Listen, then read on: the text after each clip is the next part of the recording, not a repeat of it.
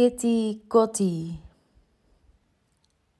De kettingen zijn gebroken. In 1863 is de slavernij afgeschaft, maar in 1848 wilde Nederland er eigenlijk al vanaf. En het duurde na de afschaffing van deze slavernijperiode van ongeveer 200 jaar, duurde het nog 10 jaar voordat men echt daadwerkelijk werd vrijgelaten. Dus als we een vergelijking mogen maken met bijvoorbeeld de Tweede Wereldoorlog en de Joden die zijn vervolgd, vergast en vermoord. En men heeft het over dat we deze periode willen herdenken. En zolang als dat nodig is, denk ik dat we hetzelfde dienen te doen met de slavernijperiode. Ik ben een mixed race persoon. Dat houdt in, ik ben zowel zwart als wit. Mijn vader is Surinaams, mijn moeder is Nederlands. En van zeer jongs af aan heb ik last gehad van een identiteitscrisis.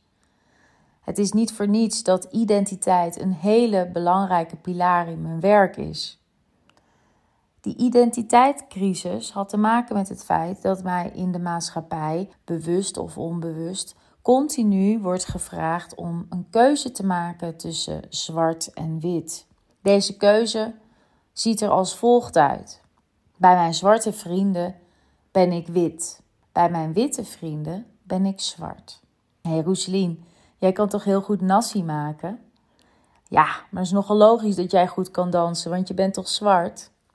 Roeselien, hou jij nou maar je mond met je bakabana. Je weet niet eens hoe je het uitspreekt. Wij gaan wel even naar de toko, want jij weet niet waar je het over hebt. Mokka meisje. Mokka meisje komt uit de kast. Dat is een voorstelling die ik maakte in 2018. Ik kwam niet uit de kast als zijnde dat ik op vrouwen zou vallen. Ik kwam uit de kast omdat ik niet meer mezelf wilde verlogenen om te kiezen tussen zwart en wit. En dat ik ervoor uit wilde komen dat ik een gemengd ras ben en dat ik dat ook graag wil uitdragen. Dus ga me niet vragen om te kiezen tussen gebakken banaan of café nol in de Jordaan. Ik vind het allebei leuk. Ga mij niet vragen om te kiezen of ik niet vrij zal nemen op 1 juli Kitty Kotti. Of dat ik het misschien ook gewoon wel stiekem heel erg leuk vind om naar een André Hazes concert te gaan en rauwe haring te eten. Ik ben allebei. Ga mij niet vragen of ik voor de zoveelste keer een Latina-rol wil spelen in een musical waar eerste twintig jaar van mijn carrière heb doorgebracht op het podium en voor de camera van televisie waar ik veelvoudig gecast werd als Latina. Want er waren helemaal geen rollen voor mensen zoals ik. Ik heb dus ook nooit een rolmodel gehad. Mijn vraag aan jou: wie was jouw rolmodel? En hoeveel heb je eraan gehad dat je er een had? Veel zwarte mensen groeien op zonder goede voorbeelden. Het is pas heel recentelijk, de laatste jaren, dat er aandacht wordt besteed aan een gelijke verdeling tussen zwart en wit in de media. Als je een gemiddelde abri voorbij liep, zo'n vijf jaar geleden, zag je misschien hier en daar een krullenbolletje. Tegenwoordig is het al normaler geworden om donkergekleurde mensen op een poster neer te zetten. Maar het meest veilige is nog altijd zo'n typetje zoals ik, met een hele grote bos met krullen. Dan hebben we meteen de multiculturele samenleving volledig geïntegreerd in onze marketinguitingen. En dan is dat probleem ook maar meteen opgelost. Zolang wij de kwestie is het nog nodig bespreken, denk ik dat het nog nodig is om het te bespreken. Zolang er nog ruzies ontstaan over of er wel of geen racisme bestaat, dan denk ik dat het onderwerp besproken moet worden. Zolang jij nog vraagtekens hebt over jouw rol en wat je wel en niet mag zeggen, denk ik dat het nog nodig is om erover te praten. Zolang jij per ongeluk nog blank zegt in plaats van wit, denk ik dat jij je huiswerk moet doen. Zolang er mensen zijn van kleur of niet van kleur die nog doen aan colorism, dan denk ik dat we nog ons huiswerk moeten doen. Wanneer jij nu niet weet wat het woord colorism betekent, denk ik dat jij nog je huiswerk moet doen. En zo kan ik nog wel even doorgaan. Voor elke groep is er ander huiswerk. Zwarte mensen moeten ander huiswerk doen dan witte mensen. En gemengde mensen, zoals ik, moeten ook weer ander huiswerk doen dan witte mensen. Wij hebben allemaal ons huiswerk te doen. En het is aan jou om te kijken waar dat huiswerk ligt. Niemand van ons is uitgesloten als het gaat om unconscious bias, dus onbewust meedoen aan uitsluiting. Maar er is ook niemand uitgesloten bij het ervaren van uitsluiting. Want op basis waarvan kan een mens eigenlijk allemaal uitgesloten worden? Ik verzorg regelmatig gespreksleiding voor een organisatie die zich inzet voor meer inclusie, diversiteit en gelijkheid. En ik leid gesprekken met allerlei verschillende mensen op allerlei verschillend niveau, vooral voor bedrijven, overheidsinstanties en organisaties. En dit is de vraag die ik als eerste stel. Op basis waarvan kan een mens allemaal uitgesloten worden? En dan is het antwoord eigenlijk heel snel gemaakt. Op basis van alles kan een mens uitgesloten worden. Op basis van of je een man of een vrouw bent, je seksuele geaardheid, welke kleur huid je hebt, of je een bril draagt of niet, klein of groot bent, dik of dun, welk geloof jij in gelooft of niet gelovig bent, welke achtergrond jij hebt, welk opleidingsniveau. En zo kunnen we nog wel even doorgaan. Of jij een tatoeage hebt, een piercing, of dat jij misschien een een of ander sieraad draagt met een bepaalde betekenis. Of dat jij kortharig bent als vrouw. We kunnen op basis van alles uitgesloten worden. En het belangrijkste is mij het erkennen van dit soort problematiek is dat je eerst eens kijkt naar jezelf. Wat doe ik?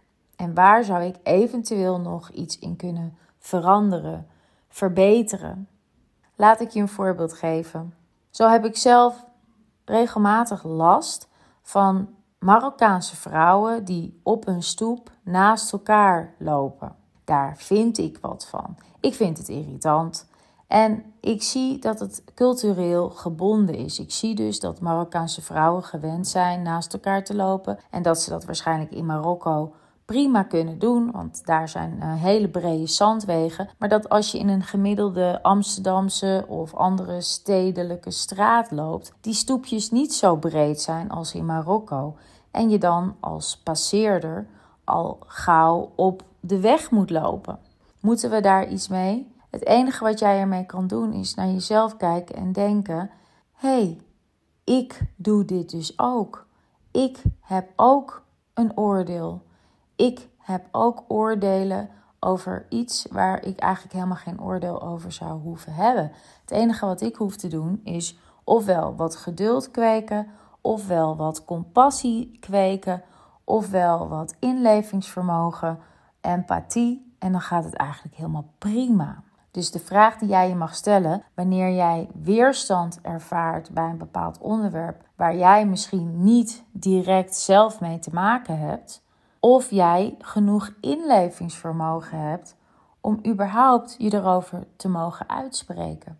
Dus wanneer wij een discussie voeren over wel of geen zwarte piet, ga dan eerst eens na welk recht heb ik om hier een mening over te uiten als ik eigenlijk misschien niet eens helemaal me kan inleven in wat deze mensen, die dat wel kunnen, ervaren. Als we ons afvragen of het de bedoeling is dat we wel of niet de slavernij blijven herdenken, ga dan eerst eens na of jij je kunt inleven in wat de slavernij voor bepaalde mensen in negatieve zin heeft betekend.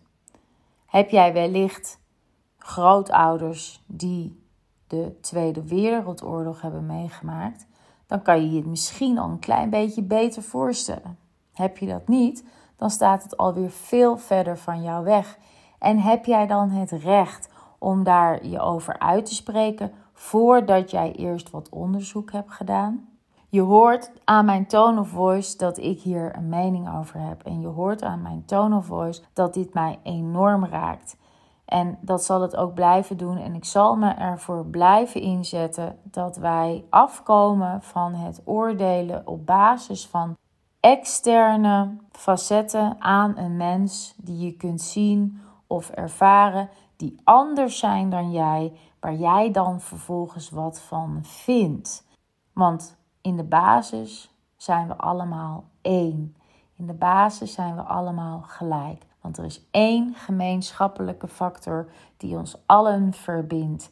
En dat is dat we mens zijn. Deze speciale aflevering van mijn podcast Soul Stories in het teken van Kitty Kotti. Ik wilde heel graag aandacht besteden aan dit thema. Vanaf volgende week ga ik iets nieuws doen.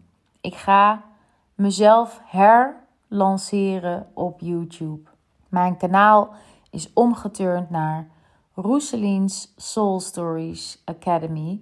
En vanaf volgende week ben ik daar twee keer per week te vinden met een nieuwe video. Nieuwe content twee keer per week over identiteit, life lessons, communication en soul sessions. En waarom ik het in het Engels doe, is omdat ik een wat breder publiek wil bedienen. Dus je zult ervaren dat ik binnenkort podcasts zal gaan maken in het Engels, maar ook zeker nog steeds in het Nederlands. Volg me op Roeseliens Soul Stories op YouTube. Abonneer je op mijn kanaal en vanaf volgende week twee keer per week nieuwe content voor jou over identiteit, levenslessen, communicatie en soul sessies. Ik hoop je daar te ontmoeten. En uh, denk nog heel eventjes één ding. We zijn allemaal gelijk.